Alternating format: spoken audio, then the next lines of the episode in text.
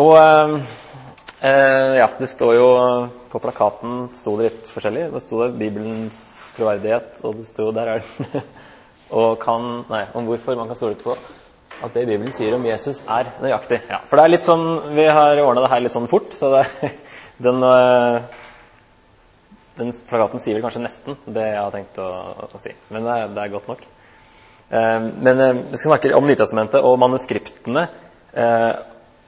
Og For det er jo visse Altså det er veldig mange av dem, og det er forskjeller på dem, som du ser i forskjellige bibeloversettelser. At av og til står det noe, og så står det noe annet i en annen. Så jeg skal snakke litt om, eh, om det, hvorfor det likevel er troverdig. da, Hvorfor man likevel kan stole på at det som står i Bibelen, er det som sto i originalene, selv om vi ikke har noen av originalene. Men vi har mange, mange kopier. Og så tenkte jeg å ta utgangspunkt i han fyren her som heter Bart Ehrman. Jeg vet ikke om noen har hørt om han, men han skrev en bok som heter eh, 'Misquoting Jesus'. Eh, jeg skal bare spille noen minutter her fra en, et foredrag der han snakker om, om eh, boka. For han mener jo at eh, vi ikke kan stole på det Bibelen sier. At det, det Bibelen sier, er feilsitering av Jesus. For vi kan ikke vite hva Jesus egentlig sa. Grunn, han mener at, at de som kopierte, har eh, forandra tekstene mer eller mindre med vilje. Ja? Problemstillingen er det eh, hvorvidt det som står i vår altså, den oversatte Bibelen, er stemmer i forhold til det som er originalen, eller om det stemmer for hva som faktisk skjedde, eller Hva er originalen. ja, Utover det. Ikke i dag, i hvert fall. det blir jo flere Jeg vet ikke hvor ofte dere har tenkt å ha det. Så da kan vi ordne noe på det en annen gang. Men i dag så blir det da ut fra manuskriptene da, hvordan at det, ja, Bibelen i dag om den sier det som, som originalen sa. Du finner iallfall på nettsida til laget da, hvis du får å se på det. Ja. Så da eh, kan vi begynne med det klippet her, så kan vi jo høre på hva han sier. The Bible, the Bible is the most uh, widely purchased, most thoroughly revered, and probably most broadly misunderstood book in the history of human civilization. One of the things that's misunderstood, at least by uh, my 19-year-old students at Chapel Hill, is that when we're reading the Bible, we're not actually reading the uh, words of Matthew, Mark, Luke, or John. We're reading translations from the Greek language in which these books were written. And something is always lost in translation. Not only that, but we're not reading translations of the originals of these books because we don't have the originals of these books or of any of the other books of the New Testament. What we have are copies made centuries later.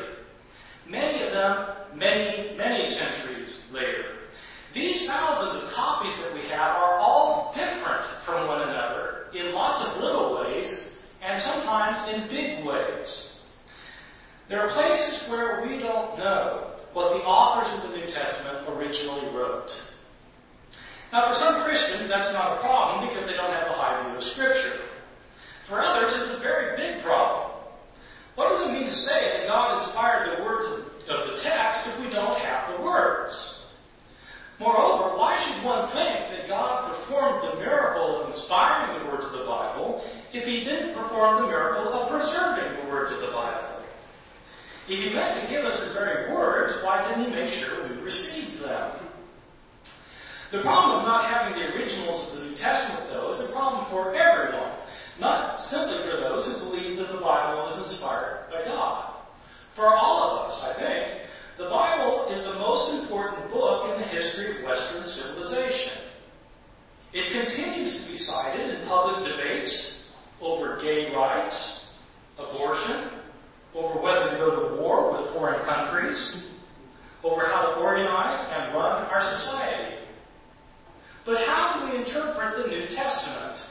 It's hard to know what the words of the New Testament mean if we don't know what the words were.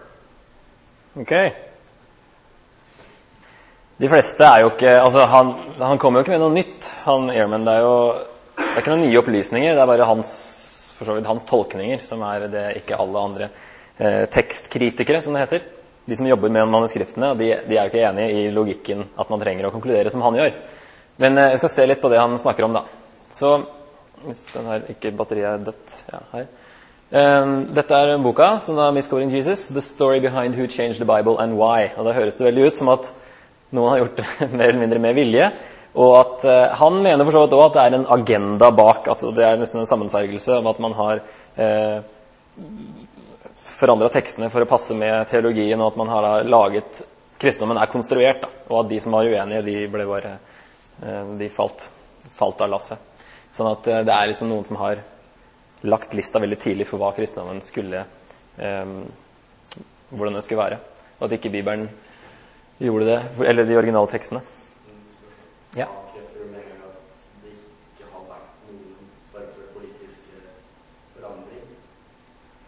Jeg skal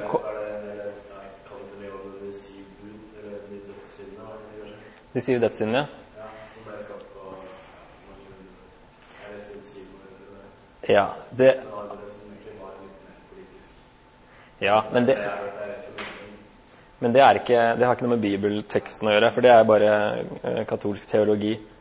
Eh, så altså, Vi skal ta litt, eh, litt om det, men altså, det, er, det er så å si ingen spor av eh, politisk eller religiøs agenda i de endringene. Vi skal se på hvor, hva slags endringer det er snakk om. da.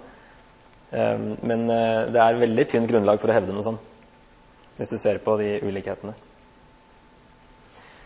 Eh, Jeg har et sitat til av han godeste, som han sier her I think that there is no doubt that the Bible is filled with human error. The copies that we have are changed by scribes. There is nobody who can doubt this. All you need to do is take two manuscripts and compare them with one another, and they're different. Hundreds, maybe thousands of places.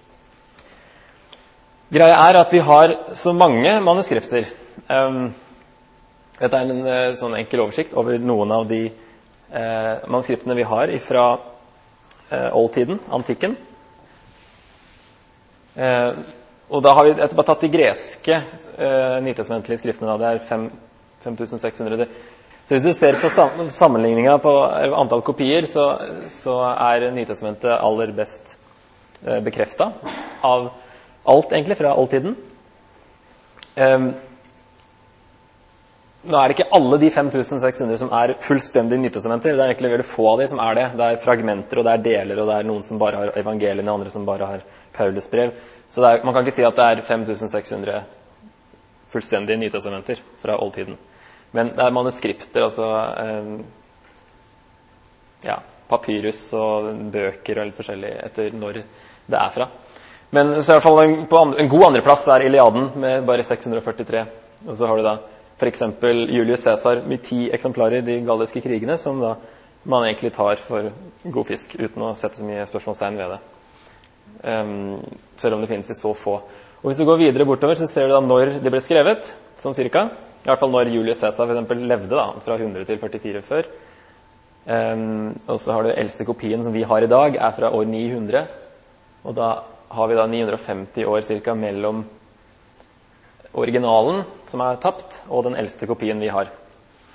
Og 1200 og 1300 for Platon og Herodotus, og så er det 1400 for Aristoteles. 500 for Iliaden, det er jo litt nærmere, men så har du da Nytestamentet, som ligger da mye, mye mye tettere opp til originalen, med fra 30 til 80 år. Ja? Jeg vet ikke om du kommer til det, men hvor fullstendige er disse originalene? Eh, kopiene av originalene? Nei, det er det. Altså, det, er, det varierer veldig. Eh, Et av de minste er også det eldste. Dette her. Det er bare fire vers fra Johannes 18. Det kalles P52. Papyrus 52. Eh, Det er skrevet på begge sider, sånn at eh, det er tydelig at det var fra en slags bok. Og det er, ja, det er bare et fragment, altså. Så det kan jo Det kalles manuskript, men det er jo langt ifra hele Nytestamentet.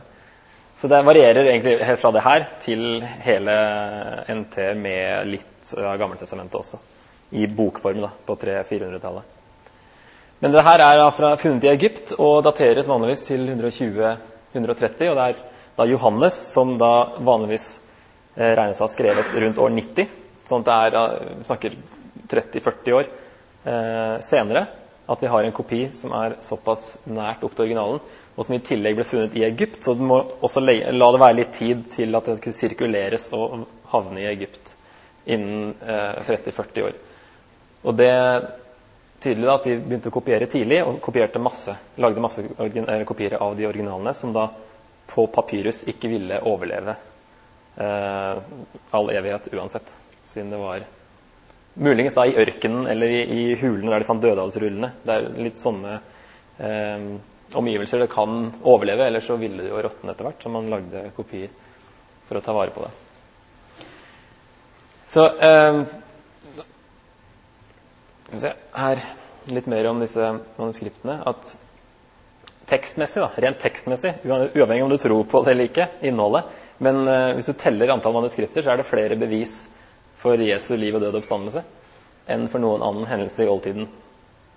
Det er eh, litt interessant. Eh. Ja? Ja, jeg mener, mener sånn ikke Altså, ja, antall manuskripter, da. Det jeg mener, mener sånn ikke Altså, ja. Antall manuskripter, da mer enn én original. Selv om det er 20 kopier fra samme original, så det ikke mer enn én. Det, er ikke, det er ikke sånn man tenker. Altså når man eh, Dette her er bare rent statistisk over hvor mange manuskripter som i dag finnes. Eh, men jeg skjønner hva du mener. at det er, Selv sa de er overkopi av samme Ja.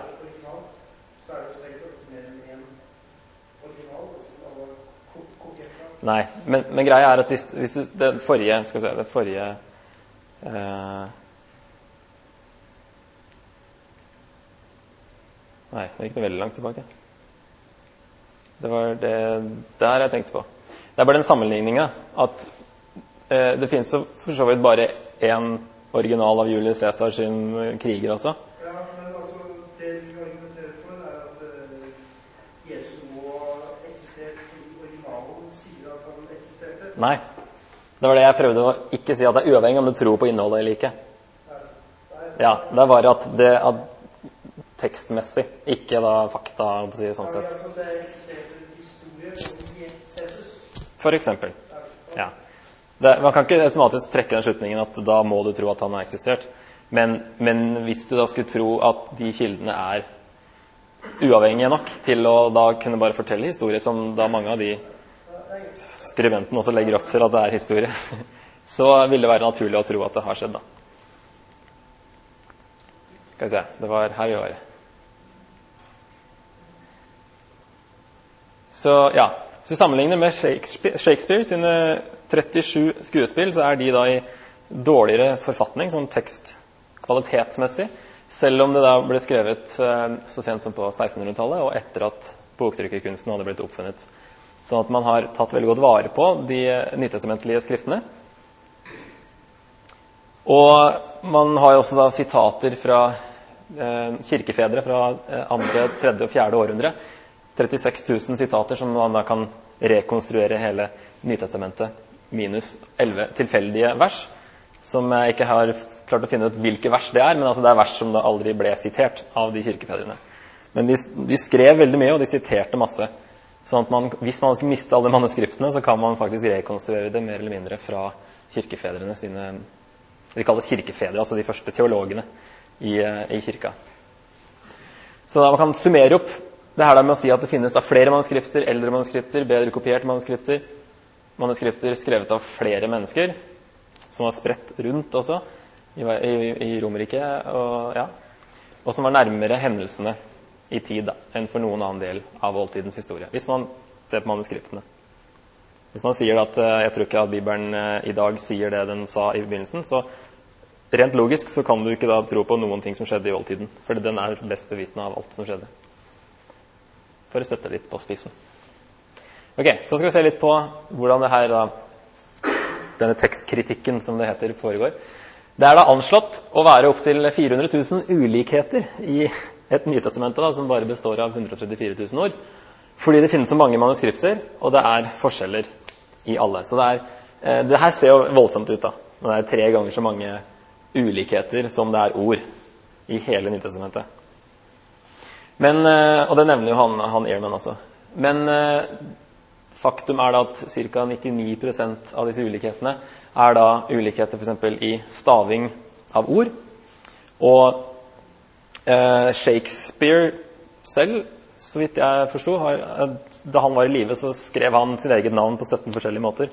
Selv så sent, da. Så det, ikke, det var ikke standardisert rettskriving eh, i oldtiden, tydeligvis. At man da kan ha skrevet et ord på forskjellige måter uten at det forandrer meningen. Eh, rekkefølgen av ord også litt forskjellig, og det har ingenting å si på gresk, som vi snakker om, for det er jo kasusspråk, der meningen blir det samme uansett. Så da kan, man, da kan eh, rekkefølgen endres litt.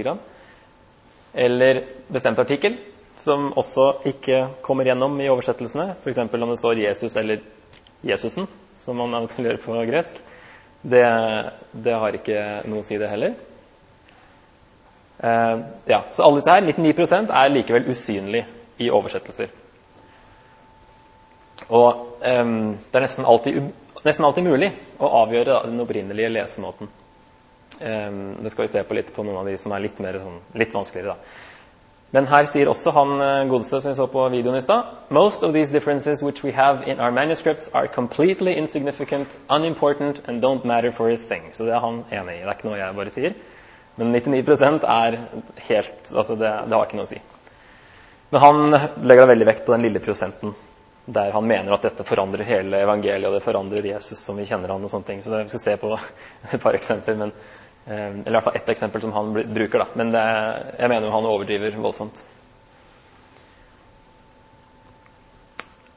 Faktum er at de fleste manuskriptene er da like i mer enn tre fjerdedeler. Sånn at man må gå ut fra Man må jobbe ut fra det som er feil, egentlig. Der det er forskjell. Fordi man tenker da at det er umulig at alle som kopierte, gjorde samme feilen på samme sted i teksten. Ved å sammenligne alle de manuskriptene vi har, og vi i tillegg har 10 000 på latin og 9000 på andre språk, så vi har over 24 000 for Nytestamentet, hvis vi tar med andre oldtidsversjoner. Eh, og ved å sammenligne alle disse så kan man da luke ut hva som er feil, ved å se og spore tilbake hva som var opprinnelig trolig, det som sto.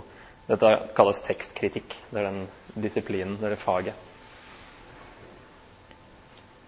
Ingen av ulikhetene har noen betydning for den kristne lære heller. Det, er, altså det mener i hvert fall de fleste. Han Ehrman vil jo være uenig. Eh, men aller, aller fleste mener at dette her er bare detaljer. Man kan uansett ikke basere en teologi på ett vers eller ett ord som plutselig er annerledes. Eh, sånn at det er, det er detaljer. Man har vært nøyaktig med å få budskapet bevart. At det er noen forskjeller som da kanskje noen ville hengt seg opp i og sagt at det her er vanskelig. Ja? Men da blir jeg nødt til å basere Så sier at ett ord forandrer mye av eksempler. Jeg skal ta ett etterpå. Jeg, jeg, jeg ble overraska over hvor lite han kom med i den boka. egentlig. Eh, jeg hadde venta meg noen sånne fantastiske eksempler, men det var liksom det her. Jeg tenkte det her er ikke noe problem. Det er ikke det her heller. Så jeg har ett eh, vi kan ta etterpå. Men eh, jeg syns han overdriver, overdriver veldig. Med det er, ikke, det er, ikke han vi skal snakke om nå, men altså, han, han, er en av de som da vil være kritisk. Han var jo for så vidt en kristen, og etter å ha, ha jobba mye med det her og konkludert etter hvert med at han, han kan ikke stole på, på Bibelen, så nå er han agnostiker. Eh, så det Ja, det er litt interessante, interessante ting han nevner, for så vidt. da. Det er, men det er ikke noe skummelt. eh, de som kopierte, var mer opptatt av å ta vare på Skriftens ord enn å fremme egen agenda. Det er tydelig i, i eh, manuskriptene at er Du finner ikke noe sånn her tydelig en teologisk retning som, som, prøver å forandre noe. Og i begynnelsen også, før da tekstene ble sett på som litteratur sånn som altså, De andre vi så på den lista Platon og Herodotus og sånne ting, det var litteratur, og der var de veldig nøyaktige. Uh, for eksempel, mye av det Paulus skrev, var jo mer eller mindre personlige brev. sånn at etter hvert, eller I begynnelsen så ble ikke det sett på som litteratur. Da var man ikke like nøyaktig på detaljene, som ordrekkefølge f.eks., men da var budskapet det viktigste. Men etter hvert, som det ble liksom mer klassisk, så, så var man mer nøyaktig med å oversette alle detaljer. da. Men budskapet har liksom blitt eh, tatt godt vare på hele veien. Ok, Så vi kan dele inn i to typer. da. Det er endringer som har skjedd ikke med vilje, og de som har skjedd med vilje. Eh, de som da er uten vilje, det er hvis f.eks. Eh, ja, det er noen forskjellige typer lesefeil F.eks. orddelingsfeil. Dette er de aller fleste også, da. Er sånne som har skjedd uten mening. Eh, orddeling fordi man skrev I originalen er det ikke mellomrom mellom ordene. Så av og til så, må man, så har liksom endingen av første ordet blitt tolket som begynnelsen på neste. Og så har man to forskjellige versjoner. da, ikke sant? Noen gjorde det, og andre delte et annet sted. Eh, men det er lett å finne ut av. Det ser du bare ved å sammenligne. Og på, se i kontekst, selvfølgelig. Eh, og så var det heller ikke tegnsetting. Det var ikke noe komma, punktum, anførselstegn og sånne ting. Så man, da man eh, tolke litt eh, rundt det. Ellers er det at man blander like bokstaver. For eksempel, et eksempel der er eh, hos, og så har vi theos, altså Gud. Men det er en eh, forkortelse, for man skrev Gud ganske ofte. og kanskje også for å være litt sånn at det var litt ærbødig. At man da eh, forkorta det til en teta og en S. Dette er jo sånn Gløshaugen-bokstaver. Hvis ikke man studerer gresk her, da. Eh, hos, det er eh, hva heter det? refleksivt pronomen, si, eller noe sånt. Det er som eh, who på engelsk. Ikke spørre who, men who, that, which. Ja. Jeg husker ikke helt hva det kalles. Men, men eh, her, altså meningen blir egentlig ikke så forskjellig. Det er bare om, eh, det snakker om Jesus, så står det Jesus. Så er det enten da han som viste seg som et menneske, eller så er det Gud som viste seg som et menneske.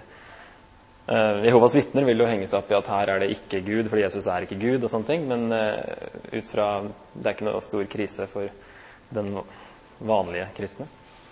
Men her kan du se at man har, som menneske gjør feil, og man kan ta feil av den O-en og den tetaen. Hvis man i tillegg den forrige har skrevet litt slurvete.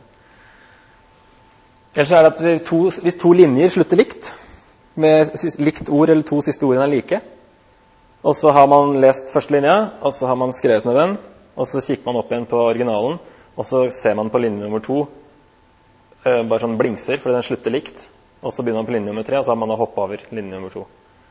Skjønte du det?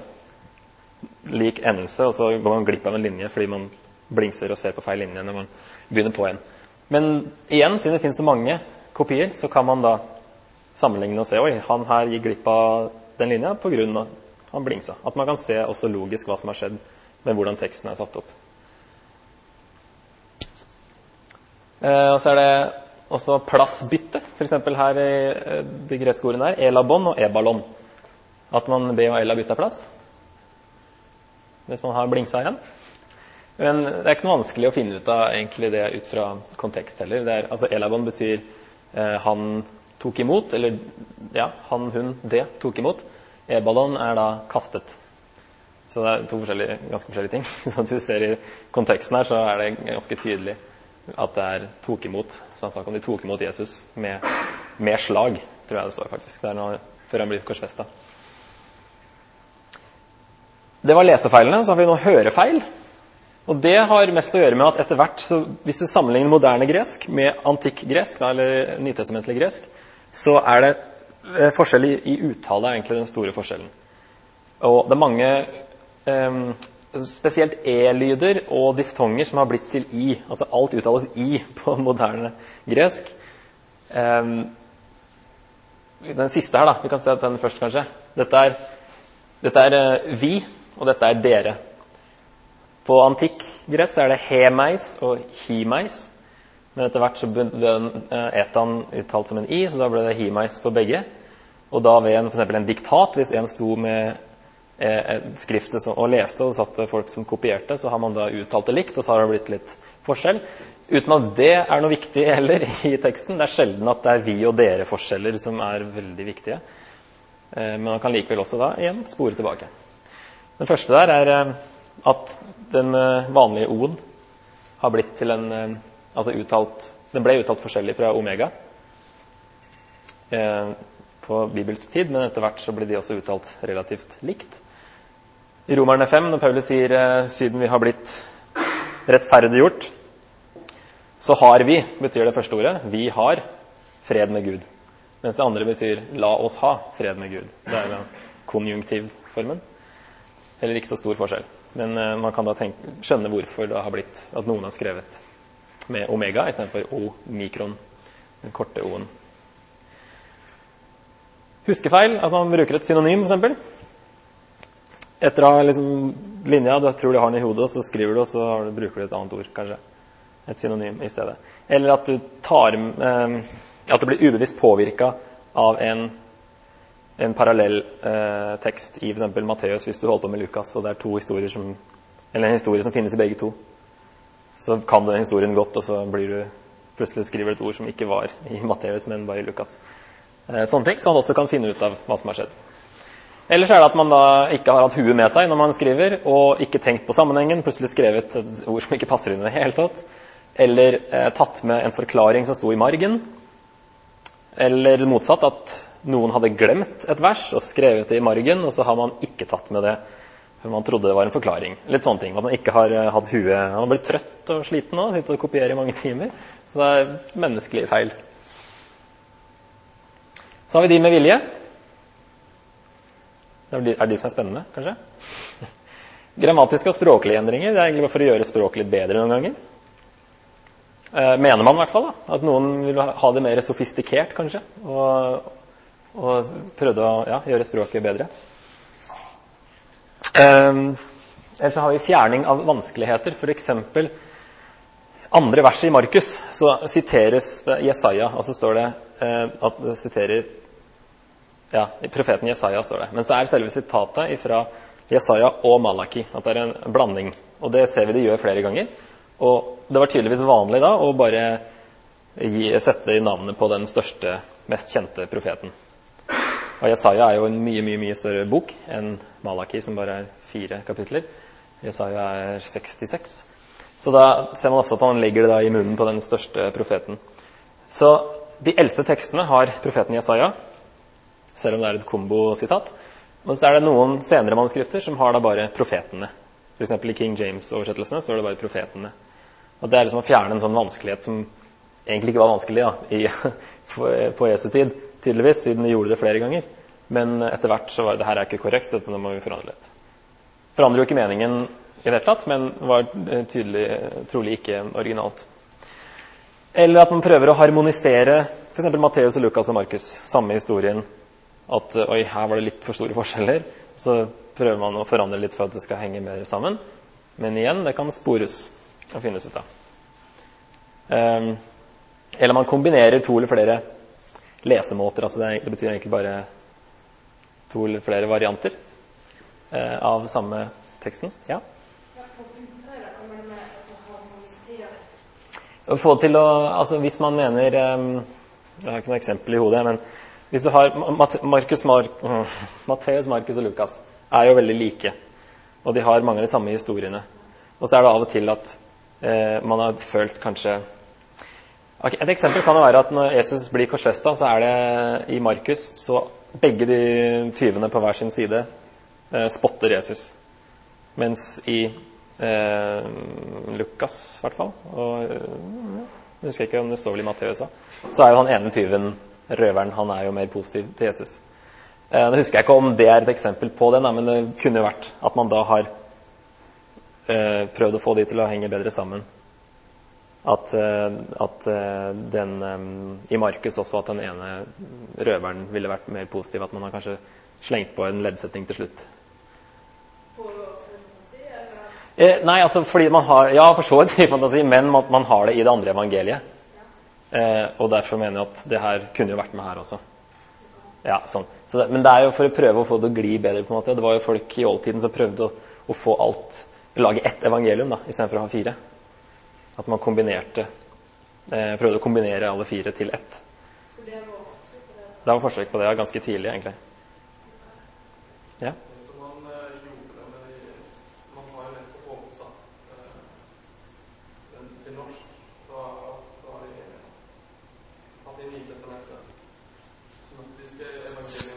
Mm.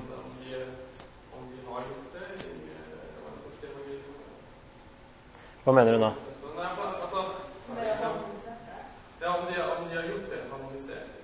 Å oh, ja, i det som vi har? Mm.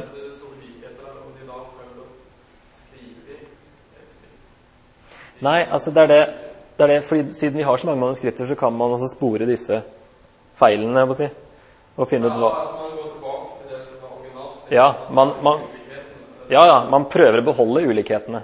For det er, for det er trolig originalt. Det er mer sannsynlig det enn at noen har lagd ulikheter underveis. Så man prøver jo hele å spore gjennom sånne feil og eh, kombinering. da. Selv om det er ikke noe stor krise liksom, å gjøre det, men det var trolig ikke sånn det sto i originalen. Og så har vi den siste, da, som er disse læremessige endringene. som da, hvis, ja, I de tilfellene skjer, da, så er det nesten alltid i retning av en tydeligere lære. Og det er jo egentlig bare for å på en måte forklare ting. Um, skal vi se Jeg har Romerne 8.1 er et eksempel der Paulus skriver derfor er det da ingen fordømmelse for dem som er i Kristus Jesus. Og der stopper de fleste bibler.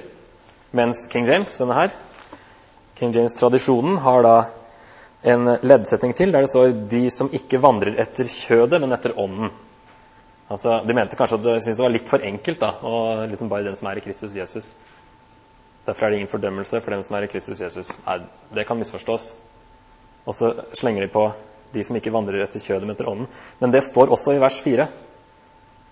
Og det vet vi det står i vers 4. Det er ikke noe King James da legger til. For Der står det 'vi som ikke vandrer etter kjødet, men etter ånden'. Der står det akkurat samme. Så de har da tenkt denne sannheten finnes et annet sted uansett. Det finnes til og med tre vers lenger ned. Så der kan vi flytte opp, sånn at det gjør klarere vers 1. Og at det ikke kan misforstås. Så det er egentlig bare for å gjøre det tydeligere. Altså en tydeligere lære. Enn at det skal være liksom Nei, du er frelst hvis du gir penger til oss. Ikke sant? Det er ikke noe sånt som dukker opp. Ok, Så har vi disse prinsippene for eh, når man da skal eh, finne ut at det er egentlig to Veldig simpelt, da, så er det to spørsmål. Hva er det sannsynlig at den som kopierte, kan ha gjort? Med eller uten hensikt. Det har vi sett på. Og så har vi da hvilken lesemåte har best støtte i manuskriptene. Det er liksom to man, man ser på det interne og det eksterne. Så eh, den opprinnelige lesemåten er da sannsynligvis den de andre kan ha oppstått fra, hvis du har flere. Så hvis du har eksempel tre stykk, så ser du at den ene kan ha blitt forstått som nummer to og nummer tre, men at det ikke ja, Du ser kanskje hvilken en, som, en av de som kan ha vært opphavet til de andre. Da. Og at det sannsynligvis var den originale. Eh, noen underpunkter til denne her er da at det, den vanskeligere lesemåten er trolig original. Det som virker vanskeligst bare, ja, Det er mindre sannsynlig at noen har lagd det vanskeligere enn at de har lagd det lettere. Så tenker man at ok, den vanskeligste den er trolig original. Eller eh, den kortere. For det er mer sannsynlig at man har prøvd å forklare noe som er vanskelig, enn at man har tatt ut tekst med vilje. Når tekst forsvinner, så er det mer uten vilje. Hvis man blingser på linjene, så må man prøve å, å tenke litt er det her med vilje eller uten vilje. Hva kan ha skjedd? Dette er jo litt sånn forenkla, hele den prosessen, men det er i hvert fall eh, for å prøve å gi dere et eh, inntrykk av det. Og så har vi den lesemåten som er mest ulik en parallelltekst. Det snakka vi om. Matteus, Markus, Lukas. Hvis du har en som skiller seg veldig ut fra de andre, og en som er ganske lik de andre, så er det kanskje mer sannsynlig at den som skiller seg mest ut, er original for f.eks. Markus. Fordi det er mer sannsynlig at de ville ha prøvd å få de til å passe bedre sammen, enn at noen hadde forandra til noe som var veldig annerledes. Så har vi litt forfatterens stil også. At, men hvis han plutselig kommer et ord som Ja, som det står, da. Du må ha, du må ha et avsnitt som er langt nok til at du kan få et inntrykk av hva slags stil det er. Men f.eks. Slutt, slutten av Markus står det stort sett i biblene at den er trolig ikke original. Eh, kanskje den opprinnelige slutten har blitt borte, eller at det slutta veldig brått. Og fra vers 9 og utover i Markus 16 så er det Den finnes ikke i de eldste håndskriftene. Eh, og der er f.eks. litt krasj sånn internt. At dette her passer ikke helt med det Jesus sa tidligere i Markus, med hvor, de, hvor han skulle møte dem etter oppstandelsen og sånne ting. Pluss at det er, brukes i hvert fall et annet ord for uh, søndag i den slutten enn i resten av hele Nytestamentet. Så det er litt sånn man kan se på stil og ordbruk også og finne ut at det her er trolig nok ikke, ikke originalt. da. Men der skal biblene ha en fotnote og si at den uh, fra vers 9 til 20, er det vel? Trolig ikke var i, Markus sin original. Ok, Da har vi de to eksemplene som jeg skal ta til slutt. Eh, for å gi dere et inntrykk av si et praktisk eksempel. da. Vi kan se på Johannes 1,18 først. Eh, Der står det 'den enbårne sønn'. Det er snakk om Jesus, da. I eh, de to norske 88 og 97-oversettelsene. Mens 05-oversettelsen på norsk har da 'den enbårne som er Gud'. Altså den enbårne Gud, egentlig. Den enbårne sønn eller enbårne Gud. Og På engelsk ser vi at noen har only begotten God'. God the one and only. Det er egentlig det samme som bare sagt på en litt lettere måte. The only begotten son. Det vil da være enig med den øverste. Siden det er King James igjen, så har vi King James på norsk. Så de følger jo samme teksttradisjon. Holder seg til de samme manuskriptene. Um, og så har vi God the only son, som ser ut som den prøver å, å harmonisere litt. Og bruke både Gud og sønn. Um, for å ja, ja, at det ikke skulle være en motsetning. Um, så spørsmålet her er da Er det snakk om Theos, som betyr Gud, eller Huios, som betyr sønn? Og de ble også forkorta, i hvert fall når sønnen var Jesus. Så ble det forkorta til en U og en S. Og så har vi teta S igjen, som vi så på i stad. Um, de ligner jo litt, halvveis i hvert fall. Men, eh, men eh, det er jo to ganske forskjellige ord hvis du ser hele, da. Eh, er for så vidt, ja, Hvis man skriver slurvete, så kan det se ganske likt ut. Og da tenker man Den vanskeligere lesemåten vil jo egentlig være til oss Gud. Ettersom, i hvert fall for, for oss, eh, og kanskje vet ikke hvor tidlig i oldtiden man eh, ble kjent med altså Johannes 3, 16 f.eks. Den enbårne sønn er et veldig sånn standard uttrykk som mange kan, i hvert fall i dag. Og at man da tenker at det er mer sannsynlig at en har skrevet envårende sønn fordi det var så innarbeida. Og derfor er den vanskeligere lesemåten er den enbårne Gud. For det er liksom Oi, det var litt annerledes. Men det er likevel mulig, fordi Johannes kaller Jesus for Gud i vers 1.1. Så det er ikke helt eh, på bærtur i konteksten heller. Og Så sammenligner man da med at det støttes av et av de eldste manuskriptene vi har, fra ca. år 200.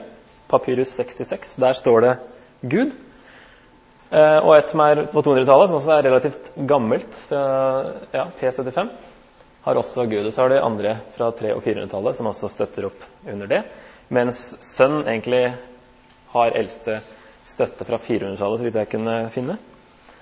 Og da har du da, Hvis du da mener at de eldre er best, så eh, vil man da kunne si at det sannsynligvis sto Gud, selv om det er uvant. Var det greit forstått, det første eksempelet?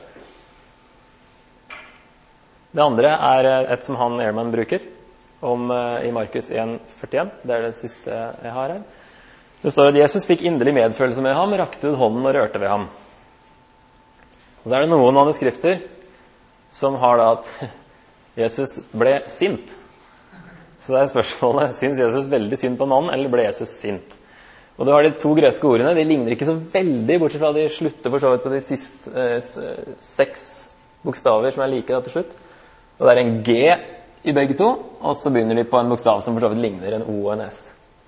Men ellers er de jo ikke så like, og betydningen er jo såpass forskjellig at det skal litt til kanskje å, å blingse og skrive at han ble sint i stedet, hvis man da ikke tenkte det, altså ikke hadde huet med seg i det hele tatt. Det kan jo være mulig. Ehm, ja, og den vanskeligere lesemåten vil jo være at Jesus ble sint. Jesus ble sint, rakte ut hånden og rørte ved ham. det, blir, det mener han Ehrman at dette her, dette her forandrer Jesus, og dette er et helt annet evangelium. Det er å strekke det ganske langt, eh, syns jeg, ettersom da Jesus blir sint i andre tilfeller i Markus.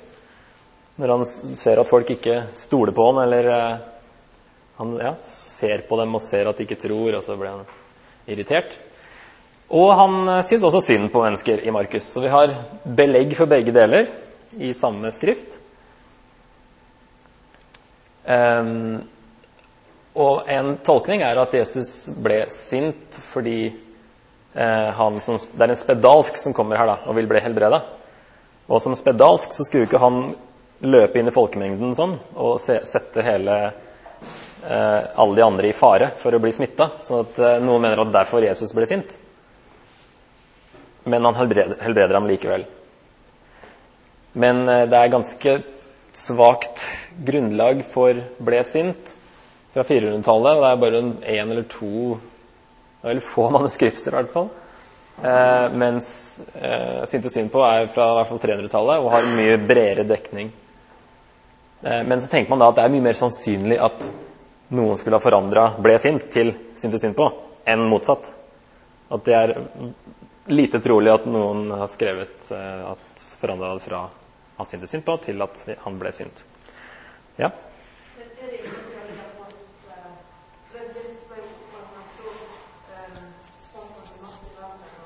Mm. Ja. Ja det? Jeg har ikke hørt akkurat det, men jeg syns det var en god teori. At kan, Jesus kan ha blitt sint av en eller annen grunn som Markus ikke nevnte, og så har det blitt litt vanskelig å forstå hvorfor. Og så har man kanskje tenkt at Hvis, hvis det som har skjedd, da, at man har skrevet hans han synd på i stedet. Ja, jeg synes jo at i sammenhengen altså det, det kan jo være da at, at eh, Markus bare ikke Siden Markus er et ganske kort evangelium, han har ikke tatt med alle detaljene, så det kan hende at han da eh, Matteus og Lukas nevner ikke hvordan Jesus følte. Men Kanskje Markus da tok med at han ble sint, og så forklarte han ikke hvorfor. Sånn at man da blir sittende og være litt forvirra. Men sånn det står, sånn, så syns jeg det, det passer jo relativt dårlig inn i sammenhengen at han skulle bli sint. For han høres i hvert fall ikke sint ut i noe annet her. Når det kommer eh, En mann som var spedalsk, kom til ham, falt på kne og ba om hjelp. 'Om du vil, kan du gjøre meg ren.' Jesus fikk inderlig medfølelse med ham, eller da Jesus ble sint, rakte ut hånden og rørte ved ham. 'Jeg vil', sa han, 'bli ren'. Han høres jo ikke så veldig sint ut når han sier at han 'ja, jeg vil bli ren'. Med det samme var spedalskheten borte, og mannen ble ren. Så står det at Jesus sendte ham bort og sa strengt til ham. Sier ikke et ord om dette til noen, men Jesus sier det mange andre steder òg. Sier strengt til de han har helbreda, eller til onde ånder og sånne ting. Sier han eh, ikke fortell om det er til noen. Og han spedalske her, han hører ikke på Jesus, han går og forteller, og så blir det vanskelig for Jesus å bevege seg fritt, fordi folk blir så ivrige. Så andre steder når Jesus taler strengt, så er han likevel Han har ikke vært i nærheten av å være sint i eh, versene før. Så det trenger ikke å være noen indikasjon heller på at han er sint her. Men er, jeg syns det blåses veldig opp når det her blir en helt annen Jesus, når han likevel er sint andre steder. Og at han var sint av en uviss grunn, det er ikke noe stort problem for meg i hvert fall. Men for Airman så var det visst det. Ok, skal vi summere opp? Jeg har holdt på lenge nok. Eh, en som heter Timothy Paul Jones, som har skrevet en bok som heter 'Misquoting eh, Truth', som er en motbok til 'Misquoting Jesus'.